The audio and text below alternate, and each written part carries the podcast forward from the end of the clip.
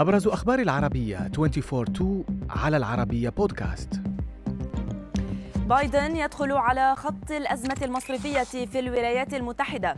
إسرائيل تفرج عن شيخ الأسرى الفلسطينيين. عرس لبنان الكروي يتحول إلى ساحة حرب. وسط حالة من الهلع من تكرار أزمة عام 2008 دخل الرئيس الأمريكي جو بايدن على خط أزمة المصارف في الولايات المتحدة الأمريكية متعهدا بمحاسبة الأشخاص المسؤولين عن إفلاس بنكي سيليكون فالي وسيجنتشر بانك. وفيما طمأن بايدن الأمريكيين بأن ودائعهم بأمان أعلن البيت الأبيض أن الرئيس توصل إلى حل لأزمة البنكين في أعقاب اجتماع وزيرة الخزانة ورئيس الاحتياطي الفيدرالي مع مجلسي إدارتهما. بعد 17 عاما في الأسر أفرجت السلطات الإسرائيلية اليوم عن شيخ الأسرى الفلسطينيين فؤاد الشوبكي من مدينة غزة وهو بعمر الثالثة والثمانين.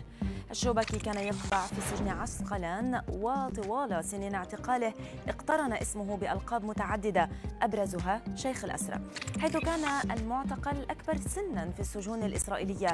وخلال 17 عاما في الأسر فقد الشوبكي زوجته عام 2011 كما تزوج أربعة من أبنائه الستة واليوم لديه تسعة أحفاد لم يرهم في حياته.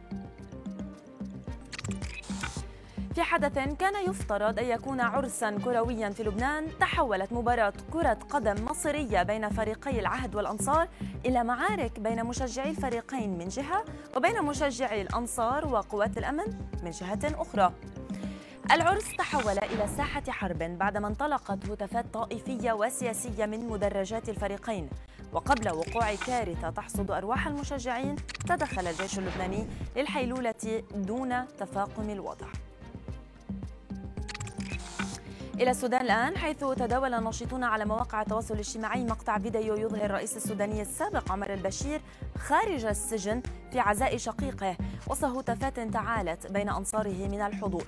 البشير تلقى العزاء في وفاة شقيقه بمنزل الأسرة الكائن بضاحية كافور شرق الخرطوم بحري بعد أن منحه قاضي المحكمة المختصة إذنا بذلك لمدة ساعتين فقط.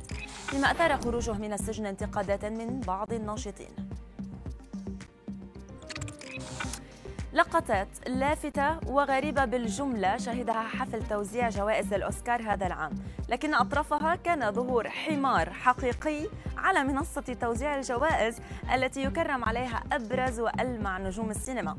المذيع الساخر جيمي كيمل. فاجأ الجميع بإحضاره حمارا على خشبة المسرح أثناء تقديم الحفل مشيرا إلى أن الحمار ويدعى جيني بالمناسبة هو الذي شارك في فيلم The Banshees of Inisherin.